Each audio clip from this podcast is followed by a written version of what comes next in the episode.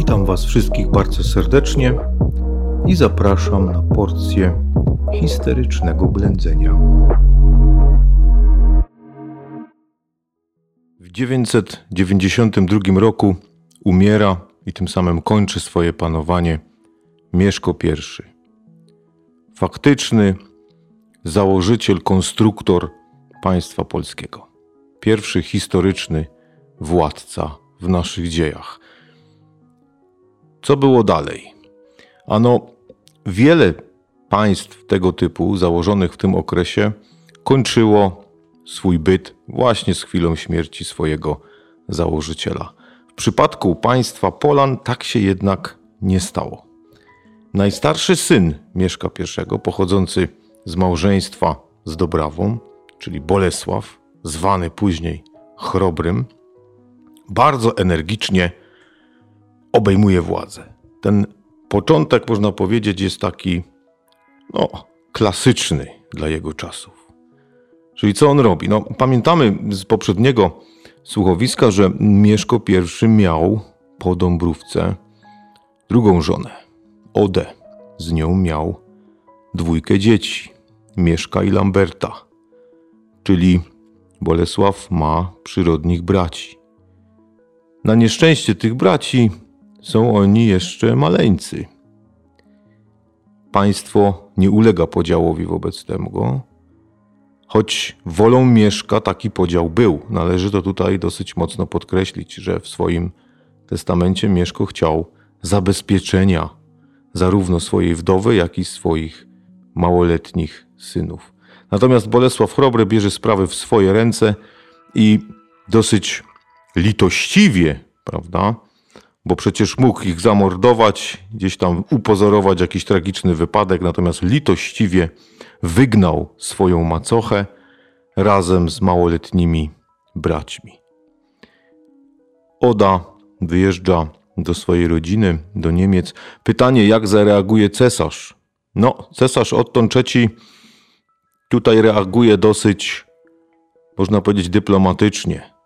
Pomoc Bolesława Chrobrego w walkach z wiecznie buntującymi się połabianami jest tutaj bez, no jest, można powiedzieć, bezwzględnie potrzebna. Bolesław nie chce również zrywania jakichś stosunków z Niemcami, podtrzymuje chęć pozostania trybutariuszem, chęć pozostania lennikiem cesarskim. Wobec tego z logicznego punktu widzenia dla Ottona III nie ma potrzeby interweniowania, nie ma potrzeby wszczynania kolejnego konfliktu z potężnym władcą na wschodzie w sytuacji, w której ten chce kontynuować politykę swojego ojca. Pozostaje zabezpieczyć Odę, zrobić dobrą minę do złej gry, przełknąć trochę tą pigułę i w imię wyższych celów załagodzić cały ten spór, nie? Udać, że nic się nie stało, byśmy powiedzieli dzisiaj. Czyli te relacje między państwem Polan, monarchią wczesnopiastowską, a cesarstwem z chwilą objęcia władzy nowego księcia pozostają niezmienne. To jest decydujący czynnik, który zapewnia Bolesławowi Chrobremu spokój w tychże relacjach. Nie da się tego powiedzieć o stosunkach z Czechami. One się systematycznie psują. Już pod koniec życia Mieszka I mamy z nimi wojnę o Śląsk. Ten Śląsk jest im odebrany. Cesarz to jakby zatwierdza. Ci Czesi będą oczywiście cały czas tutaj starali się, dążyli do tego, by sytuację odwrócić. Zresztą nie tylko konflikt y, trwa między Bolesławem a Czechami o Śląsk, ale też i o Małopolskę. Oni tam cały czas będą zgłaszać swoje pretensje do Krakowa na przykład. W związku z tym te relacje nie są zbyt dobre z tym południowym sąsiadem. Między innymi dlatego, kiedy z Pragi zostaje wygnany biskup Wojciech, należący do potężnego rodu Sławnikowiców, potężnego, aczkolwiek schodzącego już troszeczkę z areny dziejów Czech. Tam większość przedstawicieli Sławnikowiców została wymordowana przez Przemyślidów. No biskupa Wojciecha nie ruszono, no był biskupem w końcu, prawda, z bardzo dobrymi relacjami z cesarzem Ottonem, z kontaktami w Rzymie. Tutaj nie odważono się, przemyślidzi nie odważą się, żeby go tutaj zamordować, ale w końcu udało się doprowadzić do wygnania Wojciecha z Pragi. Powody wygnania były też i takie, że mierząc go dzisiejszą miarą, powiedzielibyśmy, czy też przylepilibyśmy mu taką łatkę troszeczkę fanatyka religijnego. On ustawicznie krytykuje rządy, krytykuje życie możnych i elit czeskich, łącznie z ich księciem, wytyka im różne błędy, życie niezgodne z Ewangelią, handel niewolnikami, prawda, tam sprzedawanie chrześcijan poganom i tak dalej, i tak dalej, i tak dalej. Rozwiązły tryb życia, czyli to, co w zasadzie w historii zawsze władcom towarzyszyło, tylko że Wojciech o tym głośno mówi. Jest dosyć niewygodny. Szybko się go wobec tego z Pragi pozbyto. Gdzie się ma udać? A no właśnie, przyjmuje go z otwartymi ramionami Bolesław w Gnieźnie. Nigdy nie wiadomo, czy tak potężna osoba, czy tak potężna postać jak biskup Wojciech nie przyda się kiedyś jeszcze, prawda? Tym bardziej, że przyszłość relacji z tymi Czechami wygląda nieciekawie. Wobec tego, skoro Czesi pozbywają się przemyślidzi, może tak bardziej będzie precyzyjnie, pozbywają się bardzo potężnego człowieka swojego terytorium, jak najbardziej w interesie Bolesława jest go przyjąć. Jak doszło do tego, że Wojciech wyruszył na tą swoją sławną misję chrystianizacyjną do Prusów, no tak do końca nie wiemy. Z jednej strony było to wielkie marzenie Wojciecha, z drugiej strony, jeśli był tym fanatykiem religijnym i wytykał pewnego rodzaju błędy życia, prawda, niezgodnego z ideami chrześcijaństwa w Czechach, no to analogicznie pewnie i też wytykał je naszemu władcy, prawda? Młody Bolesław, no, świeżo ochrzczone państwo, możemy się domyślać, jak to mniej więcej wyglądało. Zresztą ta, ta, ta świeżość tego chrztu nie ma tu w ogóle żadnego znaczenia, prawda?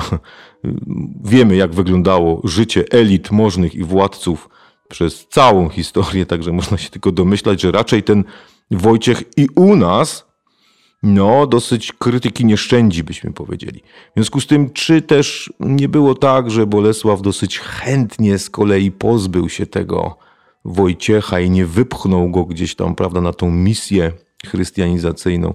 No, tego tak do końca nie wiemy. Jak to w historii bywa, prawda pewnie gdzieś tam po środku leży.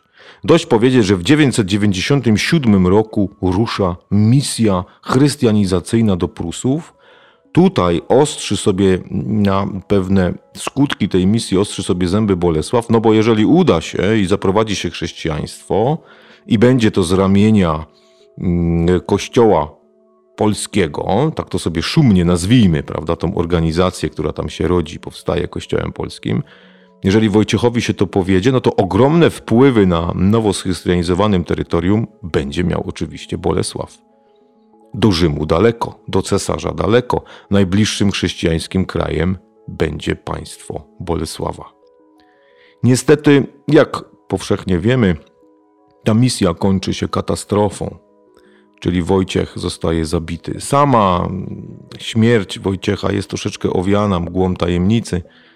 Oczywiście tutaj dane kościelne nie widzą żadnej winy u Wojciecha i jakby tak zwalając całe odium tej zbrodni na Prusów. No my wiemy z historii tak nie do końca prawdopodobnie było.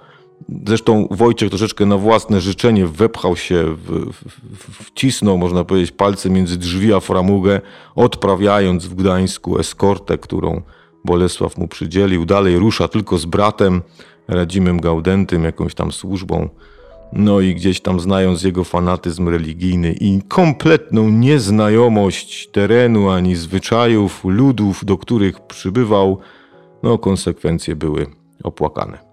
Zostaje zabity, ciało zostaje przez Bolesława odzyskane, według legend wykupione, prawda, za cenę wagi, czyli tyle ile ważył, tyle tam tych kosztowności złota, srebra Bolesław zapłacił.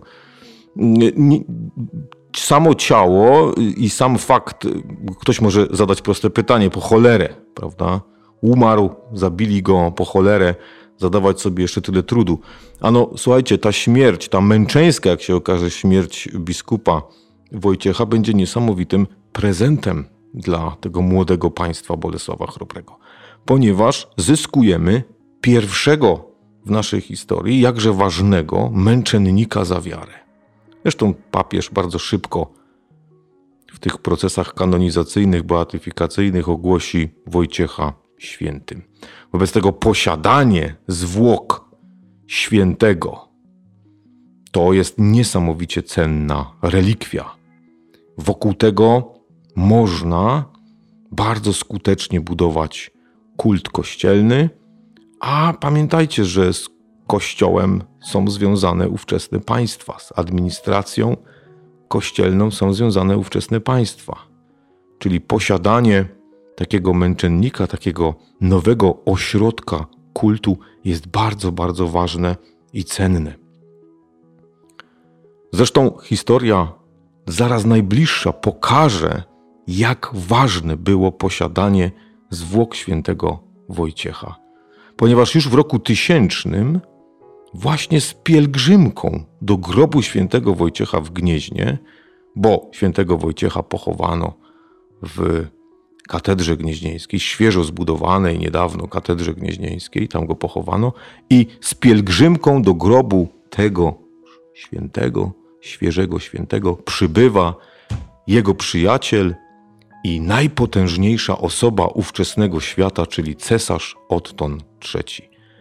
Mówimy o zjeździe gnieźnieńskim w roku tysięcznym. Jest to jedne z najbardziej, mm, może z najlepiej znanych wydarzeń, czy też może inaczej powiem, jedno z najlepiej pamiętanych, o może znanych nie, ale jedno z najlepiej pamiętanych wydarzeń z historii Polski, prawda? Rok tysięczny, raz, że data łatwa do zapamiętania, no i cesarz przyjeżdża do Gniezna w odwiedziny do Bolesława. Nie było tak, słuchajcie, w zwyczaju przyjęte, żeby to cesarz do kogoś jeździł. Jeżeli chcieliśmy coś u tego cesarza załatwić, no to raczej my musieliśmy się do niego pofatygować. Tutaj cesarz przyjeżdża osobiście, stąd właśnie oficjalny taki cel podróży Ottona III to jest pielgrzymka, ale oczywiście naiwnym byłby ten, kto sądziłby, że ten cesarz przybywa tylko i wyłącznie po to, by pomodlić się u grobu świętego. Nie, nie, nie, nie. On przyjeżdża, by wcielić w życie, by załatwić, można powiedzieć, bardzo ważne sprawy dotyczące losów przyszłości Europy. A te sprawy wiążą się ze wspominaną w słuchowisku o odtonach koncepcją uniwersalnego państwa europejskiego. Czyli Otton III przyjeżdża do Bolesława, aby przedstawić mu cały ten program. Zresztą prawdopodobnie Bolesław był świadomy tego, do czego Otton III zmierza i podczas samego zjazdu ustalono już tylko szczegóły. Jakie to były szczegóły? Przede wszystkim Otton III zgadza się na to, by w Gnieźnie powstało arcybiskupstwo. Pamiętacie, do tej pory mamy tylko i wyłącznie biskupstwo misyjne w Poznaniu, które na czas zaprowadzenia chrześcijaństwa może w ten sposób funkcjonować, ale rychło będzie musiało zostać przekształcone w zwykłe biskupstwo, takim jakim w sumie mogłoby być od początku, ale pamiętamy dlaczego nie było, prawda, z poprzedniego odcinka. Czyli powstaje arcybiskupstwo w Gnieźnie i jest to zgoda cesarza na usamodzielnienie się polskiego kościoła od jakiegokolwiek innego. Czyli arcybiskup gnieźnieński jest zależny tylko i wyłącznie od papieża, do spółki z księciem będzie teraz mianował biskupów. Pamiętajcie cały czas o roli Kościoła i jego organizacji w ówczesnym państwie. Niezależność tego Kościoła to jest ogromny krok w stronę niezależności całego państwa od jakiegokolwiek innego, w szczególności od cesarza oczywiście, prawda? Pierwszym biskupem, a przepraszam, arcybiskupem gnieźnieńskim zostaje Radzim Gaudenty, czyli brat Wojciecha, którego, jak widać, krwiożerczy Prusowie oszczędzili, prawda? Nic mu nie zrobili. Nie? Natomiast on, jako taki naturalny spadkobierca, zostaje tym pierwszym arcybiskupem. Powstają też biskupstwa we Wrocławiu, Kołobrzegu i Krakowie. Na terytoriach obrzeża państwa Polan, nie? bo Wrocław, Kraków, Kołobrzeg to są takie tereny niedawno stosunkowo przyłączone. Ktoś by się mógł spodziewać, że te biskupstwa powinny powstać gdzie indziej, ale jednak nie. One powstają właśnie na tych terenach, by bardziej scalić je z resztą państwa. Bardzo przytomna i przemyślana decyzja o lokacji tych biskupstw. Nie? Tutaj Bolesława możemy tylko i wyłącznie pochwalić. No i właśnie, i teraz słuchajcie, dochodzimy do tej bardzo dużej tajemnicy zjazdu gnieźnieńskiego, czyli na próbę odpowiedzi na pytanie, czy tam odbyła się koronacja Bolesława Chrobrego na króla, czy też nie. Spór toczy się od wielu, wielu lat. Cały czas mm, w części podręczników widnieje data jako koronacji 1025, również bardzo dobrze znana, ale w tych lepszych podręcznikach można znaleźć już informację, że w zasadzie obydwie daty póki co możemy stawiać na równi.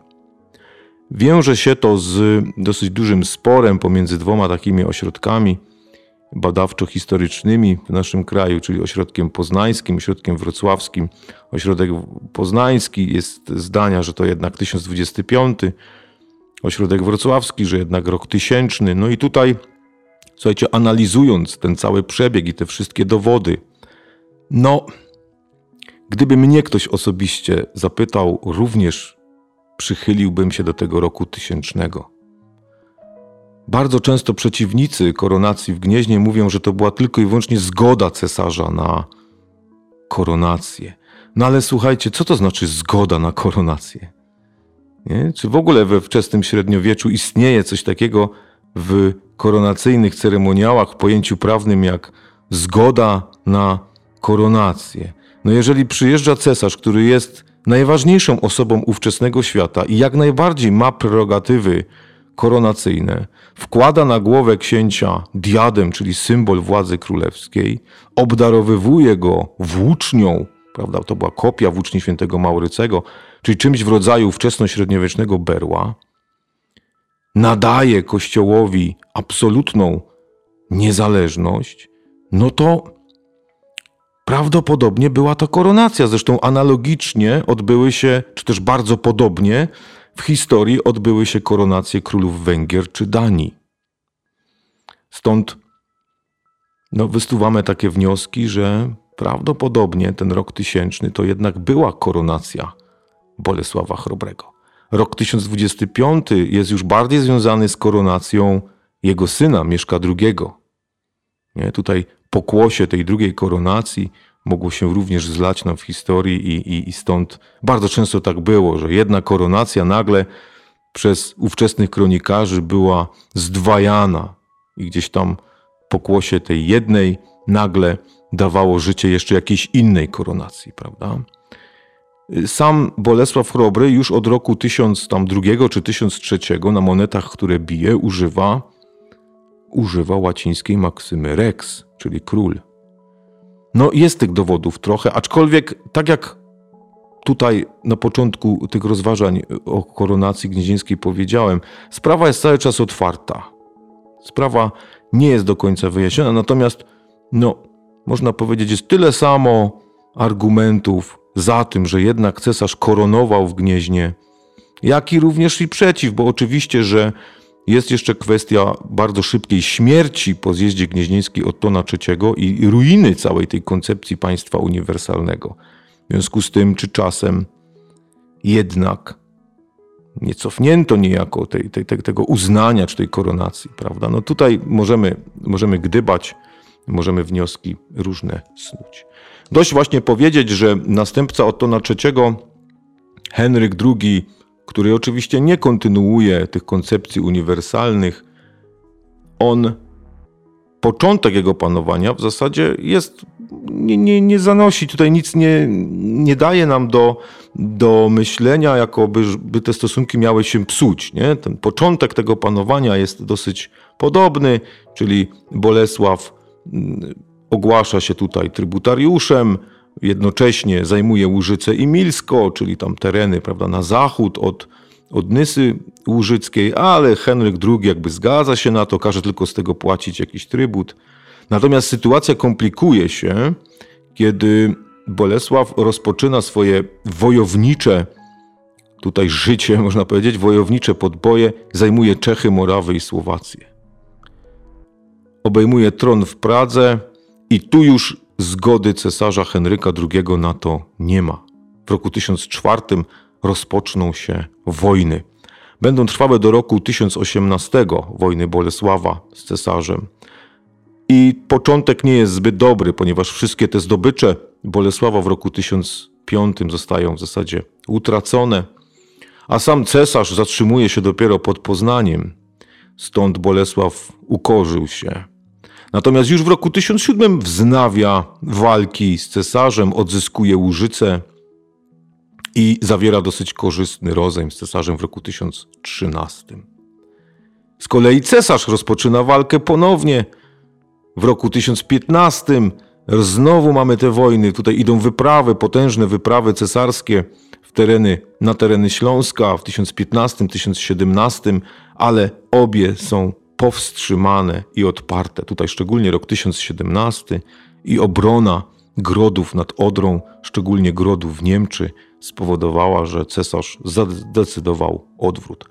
W roku 1018 obie strony podpisują pokój w Budziszynie, na mocy którego Łużyce i Milsko wędrują do Bolesława. Bolesław całkowicie uniezależnia się od cesarstwa, czyli można powiedzieć, że wojny kończą się jakimś takim sukcesem Bolesława, może nie na miarę zajęcia Czech, prawda, i tak dalej, ale jednak dużym sukcesem. Do zawarcia pokoju z cesarzem przyczyniły się, to warto bardzo mocno podkreślić, bardzo dobre stosunki Bolesława z książętami i możnymi niemieckimi, którzy wywierają niesamowity nacisk na swojego władcę, by jednak zakończyć spory i walki z Bolesławem. Walki bardzo dobrze oświetlone przez historyka Titmara, biskupa merseburskiego, jako hmm, możemy go nazwać, że jest takim kronikarzem wychwalającym Mieszka i strasznie ganiącym jego syna Bolesława. No ze zrozumiałych względów, prawda? Z Mieszkiem relacje układały się wyśmienicie. Z Bolesławem było to dosyć trudne sąsiedztwo. Zresztą w odniesieniu właśnie do zjazdu gnieźnieńskiego właśnie Titmar napisze bardzo ciekawe i cenne zdanie w podsumowaniu działań cesarza Ottona. Napisze mniej więcej oczywiście: Boże Wszechmogący, wybacz naszemu cesarzowi, że trybutariusza panem uczynił. Mniej więcej to tak brzmi. Jest to też na wiele sposobów interpretowane. Zwolennicy właśnie koncepcji, że w Gnieźnie odbyła się koronacja, wysuwają to jako jeden z ważnych dowodów właśnie za tym, że pomimo, że nie jest to powiedziane wprost, ale jednak cesarz Otton koronował Bolesława. Myliłby się ten, kto sądził, że Bolesław na tym swoje wojownicze życie poprzestał. Już w roku 1018 rozpoczyna się awantura na wschodzie z Rusinami. Ano, zięć Bolesława, Świętopełk, walczy tam o władzę na Rusi Kijowskiej ze swoim bratem Jarosławem Mądrym i tu Bolesław rusza mu na pomoc. Zbiera ze sobą wojska, dołączają do niego posiłki niemieckie, posiłki węgierskie i razem z tymi wojskami pokonuje Jarosława, zdobywa Kijów razem z potężnymi łupami. Z wizytą Bolesława w Kijowie wiąże się też ta legenda o tym mieczu naszym koronacyjnym Szczerbcu, prawda?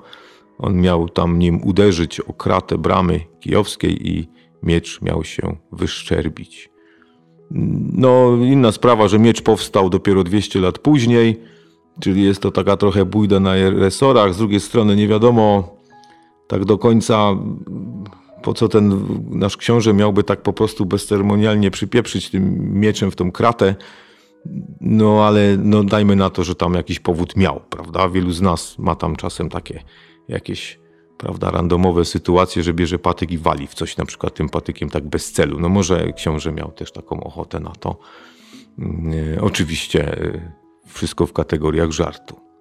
W roku 1018 umiera kronikarz Titmar i to jego wybitne dzieło się kończy. Stąd okres późniejszych rządów Bolesława jest już mniej dokładnie oświetlony. Być może w roku 1022 miały miejsce pierwsze bunty przeciwko Bolesławowi, bunty ludności. Będzie to, zapamiętajcie to, bo będzie to zapowiedź tego, co wydarzy się w monarchii wczesnopiastowskiej już niebawem. No i właśnie, zostaje nam jeszcze kwestia tej koronacji w roku 1025. Czy ona miała miejsce, czy też nie? Sprawa jest cały czas otwarta. Jeśli miała miejsce, no to miała miejsce trzy miesiące przed śmiercią, ponieważ rok 1025 to jest równocześnie rok śmierci Bolesława. Czyli sami rozumiecie, w tych y, trzech miesiącach odbyłyby się aż dwie koronacje i śmierć króla, prawda? Być może, że tak było. Tego oczywiście tak do końca nie możemy stwierdzić. Bolesław Chrobry zostawia nam państwo bardzo dobrze zorganizowane, zostawia państwo wzmocnione tymi podbojami, aczkolwiek niektórzy historycy uważają, że te wojny przyczyniły się i do znacznego osłabienia państwa, szczególnie finansowego państwa, nie? czyli to obciążenia finansowe, które wojny ze sobą niosą, będą miały swoje odbicie w przyszłości. Czy jednak tak do końca było? Ja osobiście nie sądzę. Tutaj te wojny zwycięskie, podbudowanie autorytetu władcy, koronacją powodują, że prestiż, ranga państwa polańskiego rośnie, szybuje nam jeszcze bardziej. Czyli zobaczcie, w przeciągu kilkudziesięciu lat dwa bardzo ważne wydarzenia przyjęcie chrześcijaństwa i koronacja, to tak szybko się nie zdarza. To jest dowód na to, że dwaj pierwsi piastowie to naprawdę jednostki wybitne pod względem organizacyjnym, pod względem takiego wizjonerstwa. No jak się domyślacie, nie może być cały czas tak super i fajnie. Wobec tego jakieś kryzysy muszą nadejść. Ale o tym w odcinkach następnych. Do usłyszenia.